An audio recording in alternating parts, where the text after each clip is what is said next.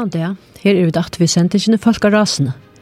Og gesten til åkken er det, jeg kvann Ingvard Olsen og Tofton, fyrverande røyere og skipare, og i 80 år sett han har fyrir løktingi og å skifte veran òsne løktingsform her. Og hette er fjøra sendingi til åkken.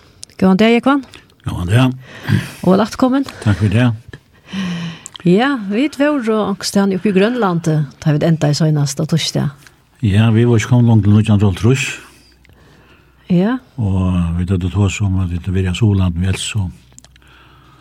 og så var det ferdig til Grønland, så vi tatt fiske, tror jeg det er, og det var vel å få. Så får det inn i føringen og lette å ta fisken opp, lette å kjipe det, kjipe i at hun er klette, og kjipe var vargen opp på hettelen her, og stakka så fisken opp, stod til salt og badlan inn i prosenting. Jeg hadde vi har kommet ned til. Ja, ja. hva tenkte så? Ja, så får vi det ut etter. Ja. Og så får det ut, og det var vel å fiske på. Og så, jeg var ikke hvordan langt vi røynte, men så, så ble salt i oppe. Og så får vi inn at vi får en kanne, og vi landet av en dampare. Og det har alltid vært en dampare som Morrison i havn, som kjøpte fisken til. Og uh, han er i øyne utgjør vi til skipene, og så tog vi inn av Nudjum, Vi tog og salt, olje, kål, vatt, proviant og agn og anna som skulle til. Og ein av tøyen dampar som pladja litt ja, han lå, han lå fløyre sommer, han, han et Madonna, det kan jeg minnast.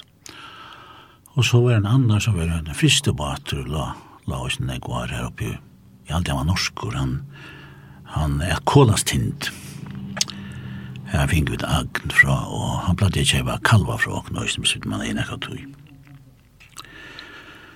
Og jeg tar vi til tatt, så far vi det ut etter.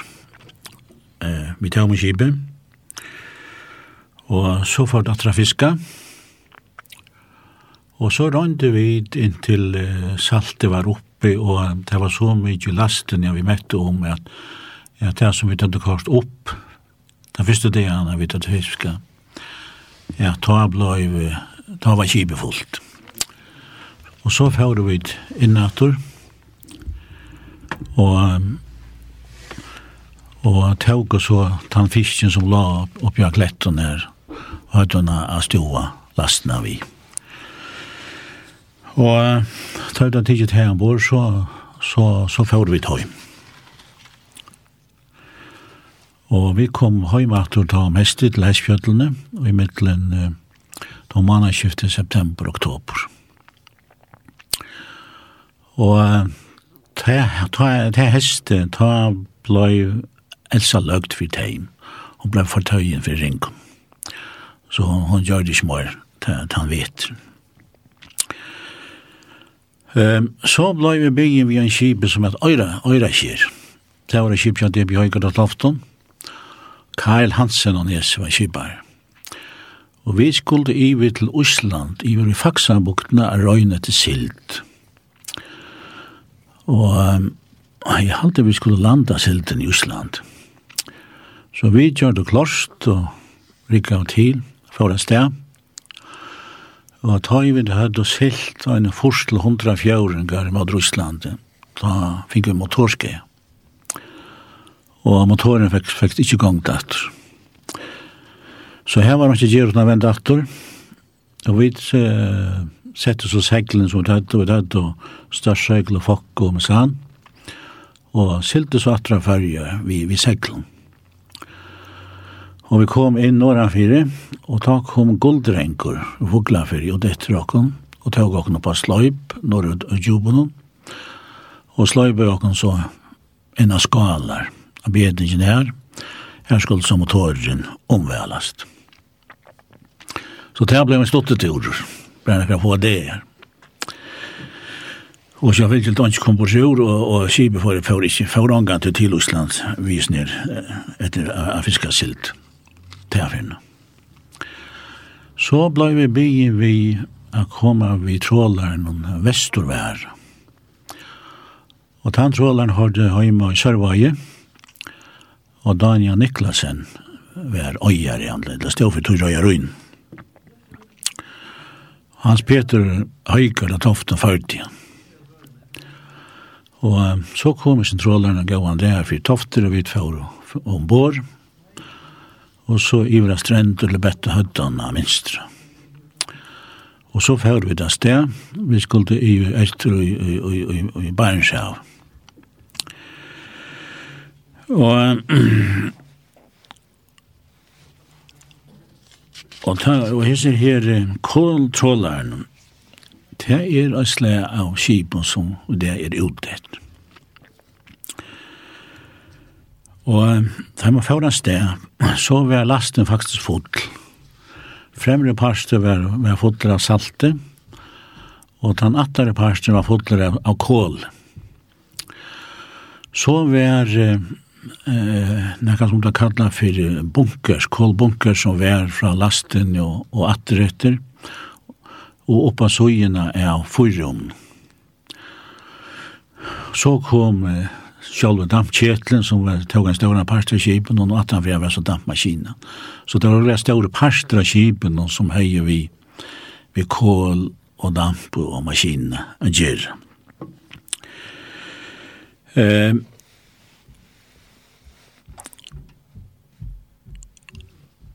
Det var så løys at taima færa sted, eller gosse sur av røysen, her var det trutje fyrbøtare. Og hver fyrbøtare skulle så heva som lempare. Og, og jøgnon heter uh, kolbunkers, her gikk ein, ein tunnel, det det det snakar nytt att finna sig var var tunnlar så att man nu gick om det klass vi kan nu men här gick en tunnel fra fyrrumnen, fram i jøkna til kolbunkers og fram i lasten.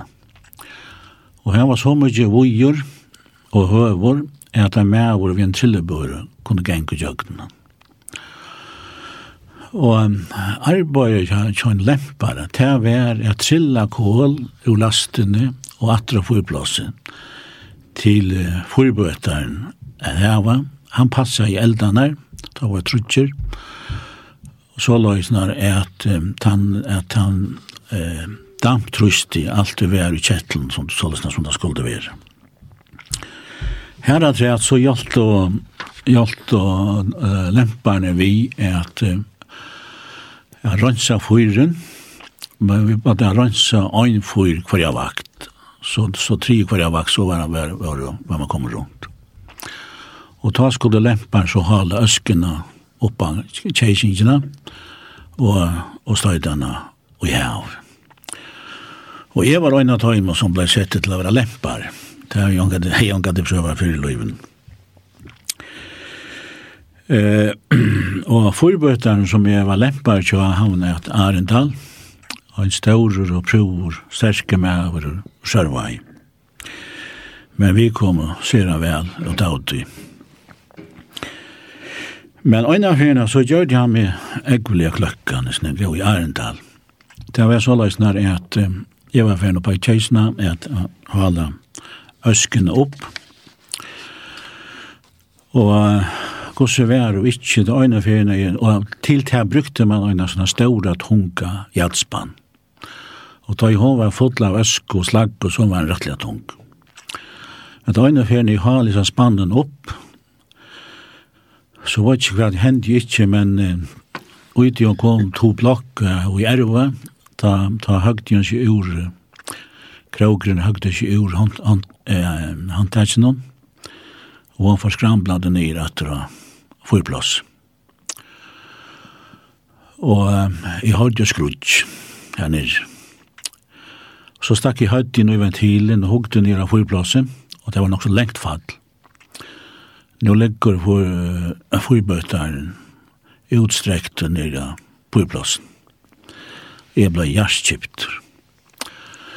Og jeg skundet meg nyer. Jeg vet ikke hva det var avfatt. Og jeg husker ganske ned bare svima over. Så skulle det lykke som teka ui igjen og, og, og, og, og hitje så ikke bøgnlas åen. Men ta brestran til å flenna. Da jeg bare spalt med repos. Eh, Spannet var slett ikke kommet over. Og jeg ble hjertens glad, og det har lagt meg ordentlig for ånden, da jeg kunne konstatere at jeg var kjent en, en, en vanlokk. Vi eh, kom så ester og byrja oss å fiska, og ta for jeg på dekje, ta for lemparen på dekje, arbeid sammen, vi tar som bare dekket. Og dette var i, i november og desember, og det her var bare mist og, og kaldt og ildfus i vever. Det var bare en lydelig grøy mitt om det her. Uh, og vi var aldri øyne for et latvær for inn i Norra-Norra og, og bunkra og kål. Og det var så et kål fra Svalbard det var så gula fint, det var med som bara støv, det var några värja få oss vi inte önska kål, som det vi fra England ja. Og um, vi drönt og, og fram emot jul. og så förda seg glöm. Og, ta, og vi sildu innan kjørs fra Norge Norge og så til Vestfjør. Og ta og i, vi kom og så i, i Vestfjøren, skulle fære ut her, ta ble 11 år. Og ta vi kom ut om ta ble det rettelig avslatt, og så hendte det seg det som kvart hendte vi sentraler, der hadde så ringa stabilitet, at han leies. Jeg var unger, så jeg huksa ikke noe om det, jeg lå i kodgjene, og ta um, Logaria framme, jeg var her var nekva kodje, det var trutja kodje det hatt. Og det gikk, det snøyde nok snakk, så det var grura løyte eh, dørskplås. Og jeg la så i kodjen da jeg hentet, og jeg tenkte så ikke igjen, jeg ser livet der, men han, han røste så, så om tar, man drejer av nekka vid skroven og røren, så det tenker han godt være, men men lukka mykje, det er bare så vent, vent vi at, og får inn, og omkring fjør her, og enkla opp. Ta vel er en kjelt av mannen. Du er flikt av det fire, vi setter av vegre for å halde lunge, og så, så miste vi jævlen i heim. Men eh, det vegre var nok så kjøtt ettes. Så fører vi det stedet. Og, og ta ble finnast av vevr. Og vi dampmaskinen er det så løs nere. Hun skal helst heva ta dampen oppe som hun kan, fyra, fyra, kunne sykla kjøtt Men det var en reistrik og en manometer som vuste truste i kjettelnen, og at her måtte ikke fære på med seg reistrikene, at vi etla for, for sikkerhetsventilen av kjetteln av glas. Og det var ikke godt. Då så miste man alla dessa krafterna som, som annars skulle färda av skrovarna att driva kiva borstor upp i luften. Så det måtte man anse etter man, at man ikke kom for lengt om. Men man kunne gjøre et annet. Det var visse, og, og i trøste blå så høyt at det ble fare for at, at han får blåse. Så kunne man køre møyre av maskinen. Så brukte jeg møyre steam, og så minket jeg trøst. Og at tog i røysen jeg møtte, ta, ta hadde jeg et trøst om disse reiestryken, at det ble ofte kostet sine mer av maskinen for det för att, att komma tjoddare fram. Men och vi fick få in nästan vi Och vi kom och tattlas med sig där kom till den serva. Och vi tatt en hampliga gåvan till. Jag minns inte ökla nu hur hvordan tonsene var, om det ikke var om alt annet her, men det kan ikke minnes det akkurat. Men turen var, var rimelig gavur, tog jeg med, han var så stort. Og så, så Arne i Røya en fast, så kunne jeg alltid han ete Vesturløy. Det var et baten som silte rot og mittelhavnene og våene til å ta inn. Vi halte han åtte han øyne sjølv. Og han eh, flott jo kan så lykke av Skjermøy og innan tofter. Så vi kom og ha inn til jævler og gjødlen gav. Så tanturen lever. Så tanturen lever, ja. Ja, Og vi skulle kanskje få hørst en sang, er vi fra gjøre. Ja, altså Grønland, av fiske Grønland, det er noe man skulle så ser jeg vel. Det er vel ofte så, så nok som det kunne være oppi hele kvørst, vi is og tåk og elvegre, men her var negg godt vever, og så stilt, alt han leier seg så kjøtt.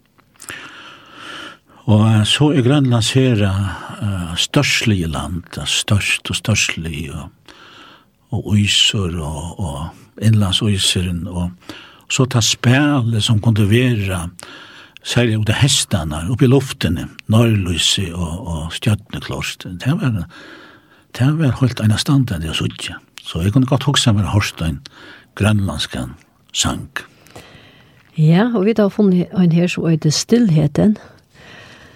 Og hvor synker, det er vel ringt å si, men det her stendte en ny par rimt an Anders Sava klocksåret. Vi sig sa nu en nøkka I lumu te gott on naka Nu nasuak kusanaka nu gitt on naka I nu en nøkka Ilissinnuta kutillaara Neriullunga misiunis Samut pasillu Inussasusi Nibanneru Anarsava Ittit pigi uvassavat Tassumami Inunerit Siunis Samut Ilagsavat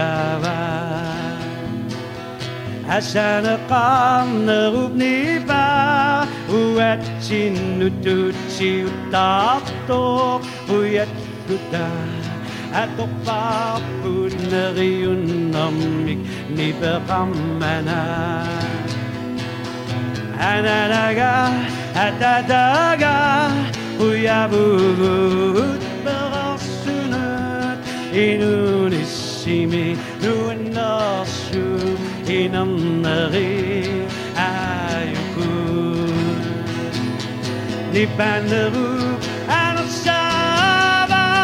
Yttit bygge jo et savat Tatsumami inunerit sionisamut Ildag savat Ananaga Adadaga Priyabugut Berop inöd inön issimi duendosu inandari. Ayuku så synger vi da alla du da alla du da alla lida alla du da alla lida alla lida alla lida alla da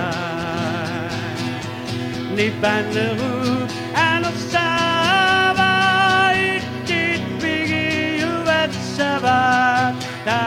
tsumami inunari Siuni samun ilagsava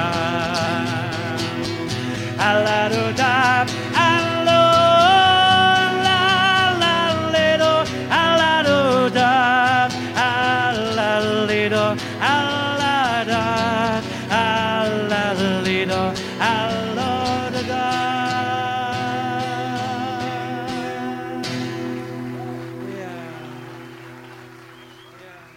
Ja, jeg kvann. Og jævlen er teg for etter om. Og... Det er for at langt jævlen gav, ja. Ja. Så kommer det nye nytt nyttår. Og eh, jeg så var i Vesterværen, men jeg hadde da blei en treta og i middelen røyerafjella og, og, og kibaren og trådlæren ta at han har nødjar og byrjan av øynaltrush. Så hvis jeg minns rett, så, så kom trådlæren litt nok så langt ta. Og mellertøy så var gamle kiberne hans Norge og Amaratro og be meg komme vi Elsa.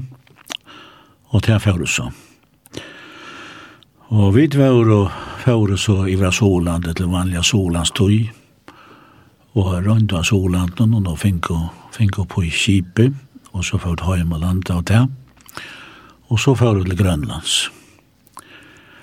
Og, og her landet vi øyne laste på en og fiska så atre på kip, og så, så fyrir vi tøy. Og ta, ta, ta, ta alt godt.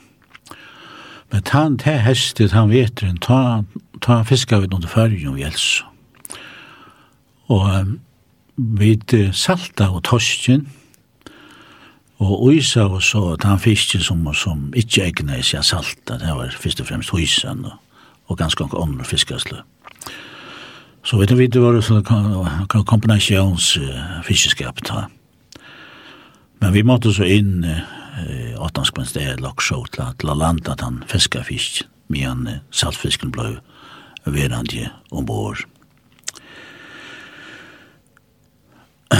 Så lagt nær fjord, fjord så han vet det.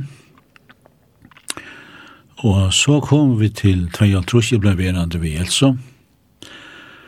Og det var før vi var slett ikke i Soland. Vi var omgang i Island, det var. Men vi får tulja til Grønlands. Vi får til Grønlands langt i aprilmann, og det var helt jeg var egentlig tulja vi nær slupp da. Og vi kom så i vår, og det var vel av fiskja få, men det var nekka kallt det tog inn. Og så hadde vi finnet salt i opp, og så inn i føringavn og landa av det, så det var utkyr i natter og så ut at jeg fiska, og så fiska jeg datter salt i opp, og så atter ned før jeg og tøma kip i atter. Og ta var det kom nok så lengt ut av, ut av sommer. Og det seneste togene heit ikke vært så negge fiskere finnes vi løgnen. Men anker hei så prøva vi snøren om og, og, og det var vel å få. Og det var kommet til det togene som det kallet for flåtfiskatogene. Og Så sier skiparen vi skulle legge om til snør. Og vi skulle heva kjoldrott. Det er jo en gang du prøver fyrst. Jeg har det fiske av snøren og bor i Kipi, og, og, og heldig ikke vil til kjoldrott. Men så hadde det problemet her, var vi tatt alle løgnen ombord. Og så fører det inn i fiskemesterens havn. Hon ligger vi, vi, vi munnen av, av Sigra Strengfjøre. Men sin Strengfjøre, han er så lenge, han er ga lenge, så. Og under krøynen, høtt og amerikaner haft en, en, en sånn uh, verje bas eller skanse her vi munnen av Snefjøren. Og tar det da, og sånn, eh, grunn, eller gjørsten den flåvetlen inn i bottene. Eh, under, under, under Sødna Hansbjørn det. Og um, amerikaneren tar var så færne som vi, og her stod nok snakke bygninger, og han er i åkjer ved munnen av Strengfjøren. Og vi tatt så stakka løgnene opp av stakkar, og så får det på landet i øynene som er amerikanske bygningene stod. Og her var det ljøsmotorer og, og traktorer for kjellesord. Og vi gjør det så til at vi førte løgnene land og hongte den, hongte den opp i en av sånne husen til amerikaneren. Og så får vi det stedet. Og så var sånn jeg rikket seg til, vi skulle kjøre til noen lippekasse og, og, og, og få noen vappen i orden. Og så begynte vi da fiska. Og det var så løs at, uh, ja, ja, Lippekassen, det var ikke hvordan han ser ut, han har et løyde rom og et større rom. Og, og så kørte man lippene som man har finnet i tanndagen, det kørte man i den lutla rommet. Og så da kveldet kom og større ble innhalet, jeg skulle gjøre rønt, så talte man lippene ur til større, og, og, ur til minne og i det større. Og så skulle man ha ja, godt memory, jeg minnes hvordan jeg var lippe var fein her i rom.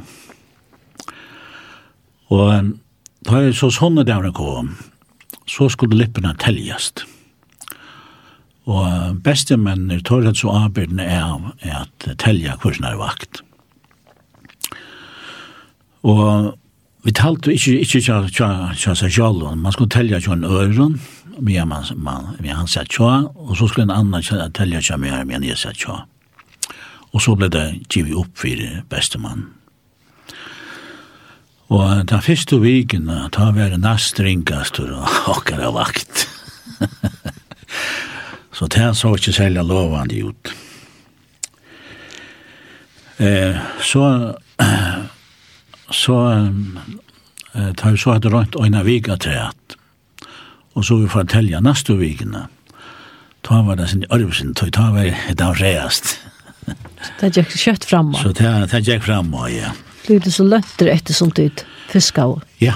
Ja. Man fikk så snikker fiska, men i finner så ble det rakn ut, per sted på på stikje, og det var lippene som, som var eh, vattnet for, kan man fiska. Og så ble man lent rett etter i så, så mennene fikk øyene løn, alt etter som der fiska og til. Men man gjør det rønt til fel. Alt annet med arbeid gjør det fel. Så det var kjellige soldarst. Nei, men uh, man sier da at man et, et uh, år som ofte han høyre det til at kapping skal til. Da røyner man å innføre alle, alle stestene her. Og kjøldrøyne drøtter han fører til, til kapping, kanskje en kjelig kapping. De menn kunne standa søy om søy, og, og andre kunne få kanskje dobo som ek som hin. Så fiskegavene var jo øyant utbytte. Ja, var det så, var det så snuta som fiskegaver, eller var det noe annet som, som kunne gjøre skaldende? Ploss som man støv i? Ja, det, det sier man øysene. Ja, det var avgjant, avgjant ploss. Ja og tar som fiskar best eh, som var i samma kip, snörekip, eller sånna samma snörekipar og arm og arm. Tar gjør det krav på å få det gode plassen og ta fingret til husen. Og der yngste bladder si, tar ble blek av ramina, og den ringaste plassen skulle være av kongen, eh, som var her som talja ble fast i, det der var til seglen. Det skulle være det vanligste plass. Men plassen jeg jag då snackar sig ja. Ble det misstämningar ombord av tog i att? No, det minns jag ikke till. Men, men, men det var drivet öl da. Og drekkapausen der var, var ikke lenger. Den ble gjettekjøtt. Og ofte var det så løs når man får ikke gjett at man råkner vinner kanskje for en stima nå. Så kan man gjette med en stima. Så vi drønte så, så uh, vi snøren, og det var nekva på. Og um, så hadde vi finnet skibet, eller salt opp. Og ta var vi her når, eh, når eh, måtte, eh, han som spørte ut, noen var i døypen her, da strengt fra grunnen. Og så får jeg sikla mot føringen, at han ikke salt etter. Og ta jo kom og sår var inn av Luttalevska banka, sår mot fulla banka. Det er ikke så lengt nåra fra før kan. Og i døypen han her, ta porra kibaren ut, og bjørn kom at snør. Og ta var han kom, så grod han skrap. Og da vi kom opp, ta var det her var med som svarta skrap, jeg til skrap, som la her og vei Og Og det var bare å få lotte for bor, så var avbøyna vi. Og jeg stod først rett og forvante, og man har så lenge at heimer er at, at heimer rakk nere i kjekkvinn. Så løsna man, man ja, myndelig, og så hukte man, ja, så hukte man hvordan det stod i fisken når man tog han inn. Og hvis hesten flåtfisken var så glede sprætjen, at han fløktes utlandet. Så jeg gjør det til, jeg kopper et hjemme når jeg, og, og, og, og stittet der, så det var bare en tverspann litt langt. Og så fiskar jeg bare løsningskreft, og noe derfor jeg, var litt til, til jeg tog ikke noe, så det var også at det bøyna vi, man hørte ned at så var det omgengant. Og ta i vidt at det li er, og alle, jeg var ikke hos lunch, men vi lå og ein rakster, og ta var kibet borsfullt. Og Og vi får sånn inn mot Førenkan. Det ble jo sint i Jolv, så det hova kom av blåt i fisken. Det, det var sånn rikva detjen. Så det kom Løydebors ur at gira rundt med og sint. Så vi gjør det da det kom inn i, i Førenkan. Og tann dagen, da hei 605 fiskar og snør. Og ta minnes det at uh, hans uh, skibar sier at det var det meste han visste at oi med over hei finnes snør i øynene. Og han er vel lunge til skip, så nek var vi snør. Så ta vart erren. ja, ja. Men uh, nu råkner vi, nu det var snällen när så så kan det få det mest lukt. Men det var bare vi två i minuter. Og man skulle, man skulle blöka og läppa fiskene. Ja. Ja, men nu tog utlands arbet. Å, oh, ja. Ja.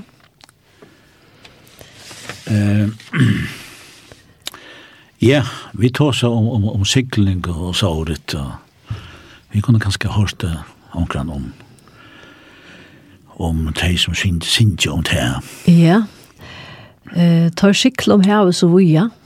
Og det er tvei av, tvei av kamerene som synes ikke. Ja.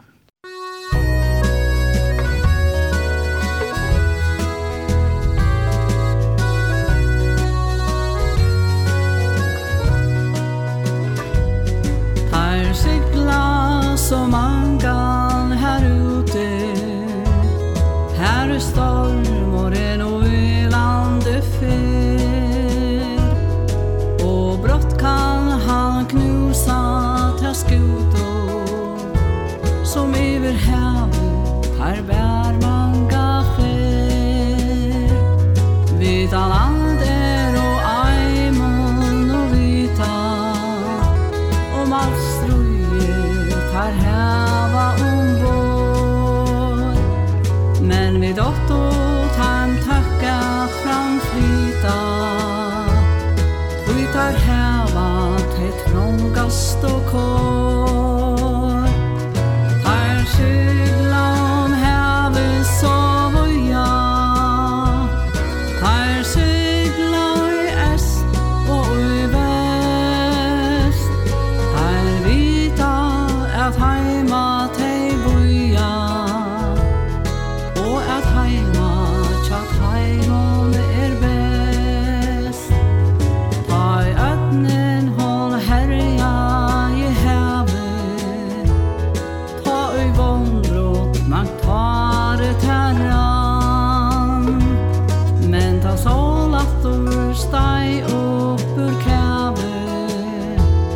haver gleje tog han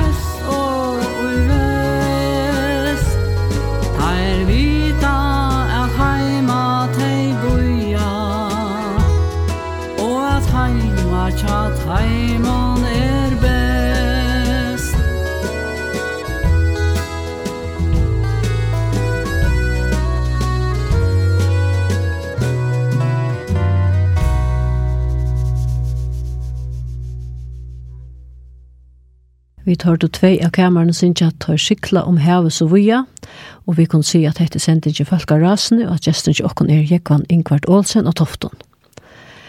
Ja, Jekvann Ingvart, to uh, hei er veldig an det her vi snørre. Ja, ja, vi uh, gjør det så rundt og salta av det dekken i forrige ganne, og så landa vi til som det hadde, og, som det hadde lastene, og så til som vi, uh, og det finnes en av det, det ble så via for seg, Og det var så sjåan, det var nok så blett, og, og ble sikkert trekt av for vektene, men da vi er ikke, alt jeg kippont, så vi finner den dagen, så det var en stor dag.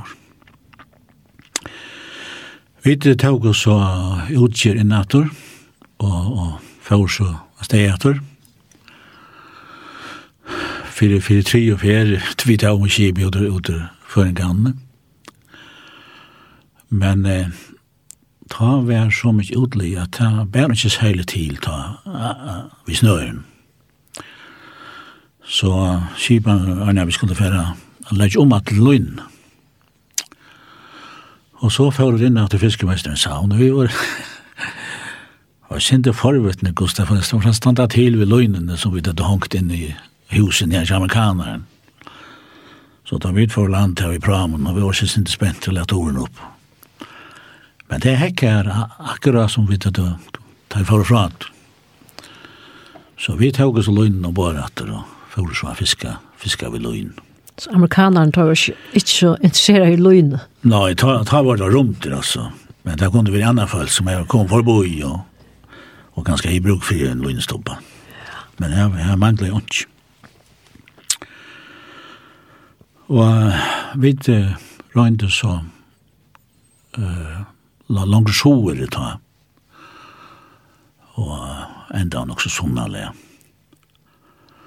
Men ta landa og det ikke mor i grannlandet til å her. Det var, og, og så fører vi ta hjem til at det finnes ikke nøklande på i kip. Det er alltid man gleder sint. Men vi var stadig så sunna vi fører ikke nøyre at vi var en kan etter utstyr. Og vi kom hjem etter ta om annanskiftet september-oktober. Så det var en god å jeg kom hjem. Og Da hadde vi bare vært borster i fem og en halv måned. Så det var lengt tøy, og, og det var, det var strev. Det var løydel frøyevakt, og nekva gjer. Og det skal sterk kolsa, særlig det skal være en sterk psykisk kolsa som skal halta til så lenge at vi lever sånne sammen under så streng, så, så strevnene arbeid. Så det var onker som hei eh, troblagare av tog. Vi tatt så tant huren fiska 1600 trusskip, og det var helt, jeg vil ha nek, vi har slupp da. Da jeg vi kom og at til hesten, så fyrir jeg på for launar, for en kibranskuld. Og um, jeg bor i Gripsvei i Tudjo, til han og Knod Knudsen. Og togene brøyda nek, vi betalte 200 kroner for kostelsi om han. Det er ikke mye man Jeg skal betale for en molter som har fyrir en i etter.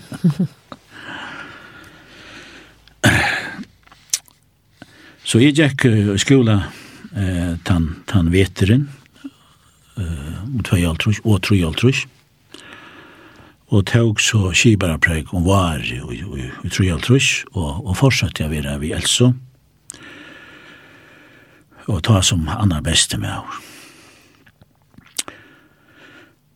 Te åre, hvis jeg minnes det rett, det, det, det blir så lenge siden at, at man kan ikke tenke at det var for kjærest, men jeg hadde vel landet av ikke grannland te åre. Og um, Og jeg hadde det her vært, vere fiskemann av verskfall var. Så Sibene slupp ikke, ikke sted til den vanlige solastøyen. Og, um, og i stedet fyrir så, så fører vi av silt, som tar var et nøyt firebrygd fyrir meg og så får av silt vi i Vjelsa og, og, og, og, og Norge Jobb, Norge for Farger, og salta av siltene i tonner. Og, og jeg halte, jeg får ikke vidna søgnast silta turen til jeg tar for eh, atropa skole i havn, og jeg ganger på langtene. Og jeg bor i samme sted som vetren 4.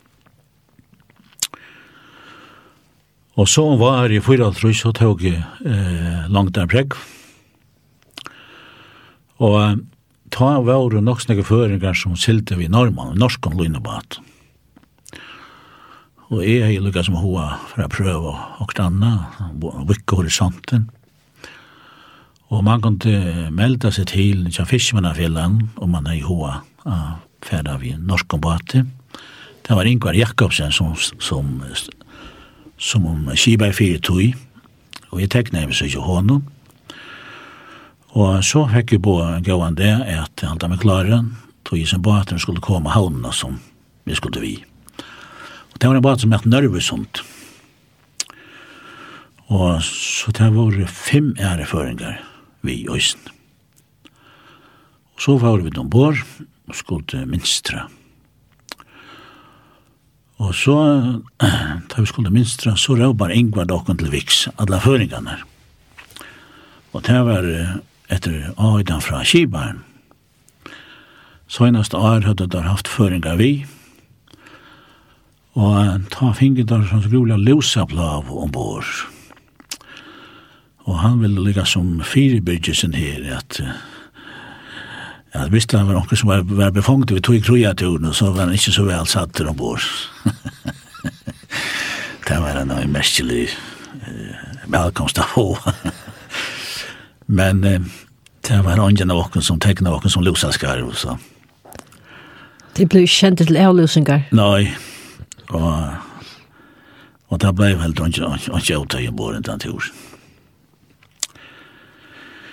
Vi er så, så til Grønlands, og tar, tar her en annan mat å fiske på, fiske bare ved stoppen, så lærte man til.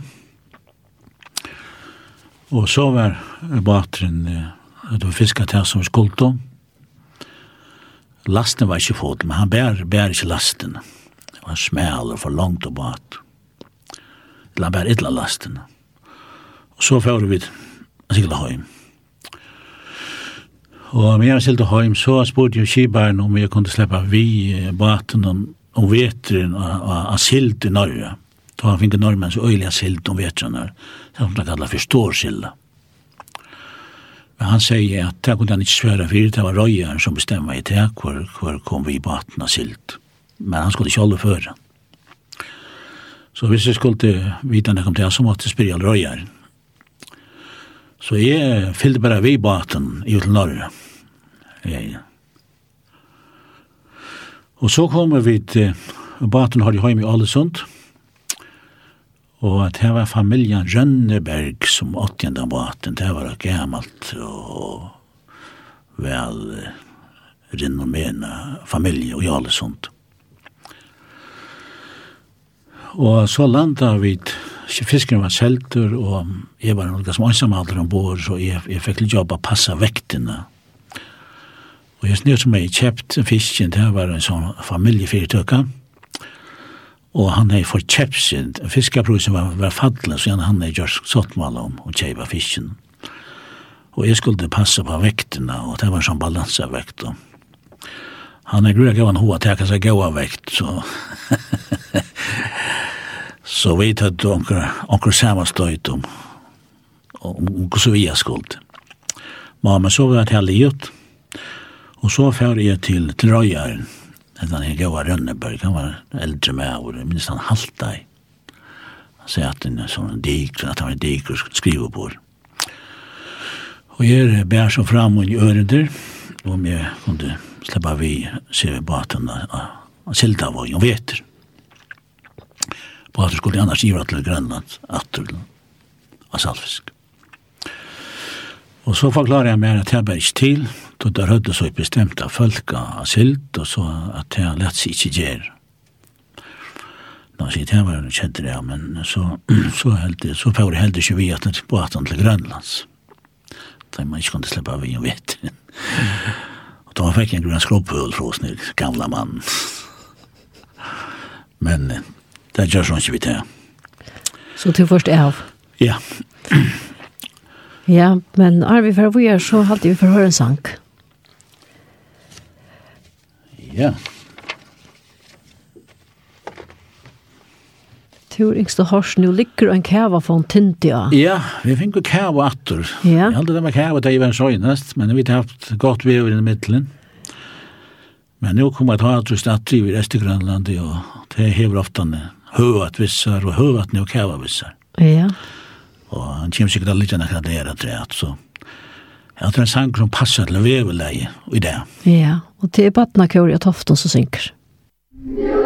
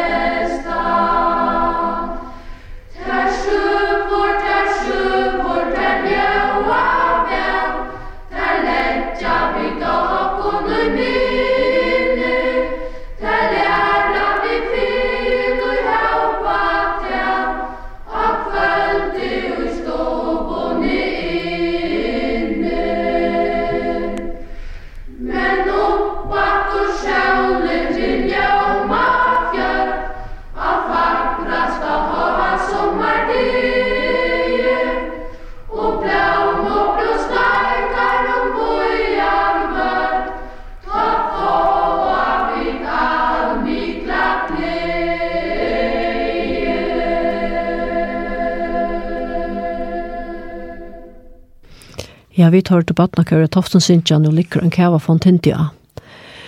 Eh, jeg kan til slapp ikke asiltvisen her i norska skipen Nørvesund, men du gavst ikke så?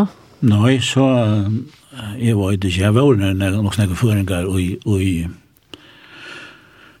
og i Alesund, sa jeg satt og inne. Og jeg var ikke mer godt vel utkommen fra, fra Rønneberg, så var det en, annan annen skipa, jeg meg og ba meg komme vi, vi en båt som et Mongstad. Det var en egen minnebåter som hadde Høyma av Fedje som ligger her så i Bergen. Og han skulle til Oslands og, av Salskavøye. Og jeg sier så det samme om det var mulig at, at slippe vi her om vetren og sildja. Det var gammel nå. Og så, så var det at jeg skulle komme vi. Og hetta var jo julemannet. Og vi får så sted ur Ålesund, var edlomanns vi. Og um, han får til hver øyn annar ur uh, ja, tvørøyre som var vi, Støyndjøn Samuelsen. Og vi får så av sted, og får av tvørøyre først. Men uh, ja, uh, Aula så aftan, så ble ferdig nå til Havner. Og vi lau tru dagen haunen, alle Olasøken, til langst Olasøken jeg vil jo. Og ta så Olasøken jeg var lio, så blei ferdig sted for Luslands. Og jeg så Olasøken, og ta levde da lunge på, som tar at det var jo i haunen, i snormen. Og vi var jo bare et lomans, og drev i stoppen, og det ble drivgrig harsht vi finko som regel bara fyra timmar frivakt.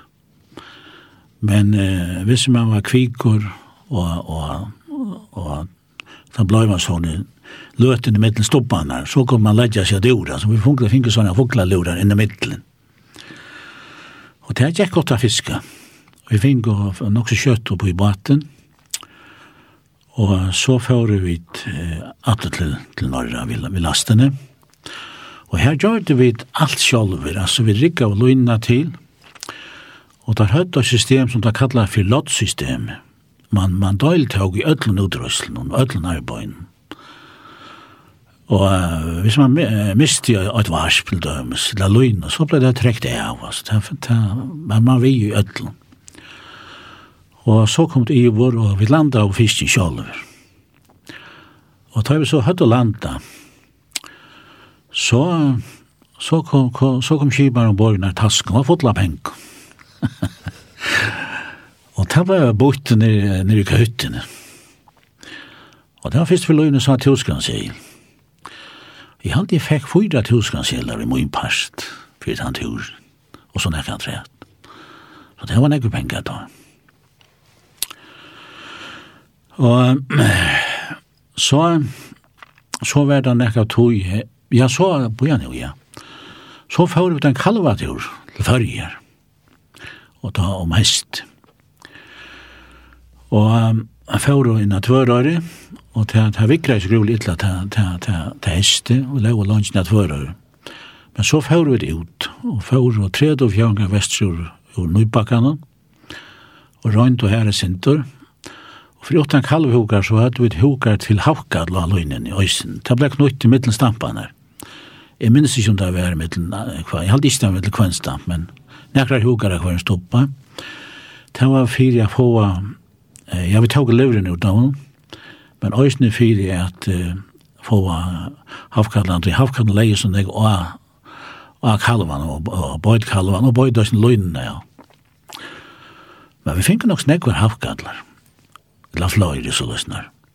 Og da var rettelig større, og vi tog der inn og tog løren ur, og da det var en større havkadler, så, så kunne det være på et, et fæte av løse, av, av livet i dem. Vi tog løren og kvart og i født. Men her var det ikke nekva på, og så fyrir langer så, og så var det fyrir banka, det var plass som kallet for Eldorado, men det var ikke særlig til her heldur, og så, så sjaska i vekkri, og så ble jeg bare helt i opphet, og for at norge. Det, det var faktisk en bomtur. Og så får jeg vi kibaren, vi bor ikke kibaren, og jeg var, var kommet her. Og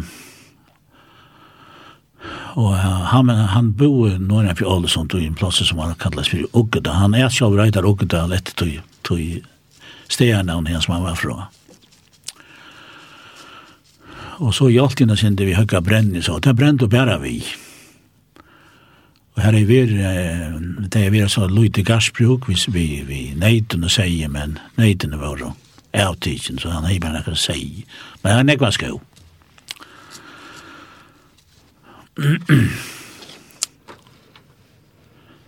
ja, så fikk jeg den gode seilen at det tog inn i færen, så... ja, tog inn hon. Så jeg ble, så slipper ikke av meg så. Nei, det ser det ikke til. Nei. Men du skal slippe høre en sangkatsjert. Ja. Uh, og det er, uh, jeg går kjøren hva nøyter. Høyma i himmelen. Høyma i himmelen. Ja. Ja, det er så løsning der at da jeg ferdig sa folkene fra, så, så skulle du helst komme med og det her stedet i. Og det er altså godt enda vi tog i sangen. Og her ute jeg toften, og jeg vet du, eller jeg nekva sangere, og Og her er en familie som heter Støynhavn. Og til det her systrene er to familien som synkjen den her sangen. Ja, og han skulle ut høyre nå, men Arne til så skulle si at dette var sendt ikke folk av rasene. Gjesten og i dag var Jekvann Ingvard Olsen, og dette var fjorda sending til Akobavon. Og så er jeg bare etter å si takk for i og i utvarstående Jonas Iversen, tekniker Ronny Petersson, farvel.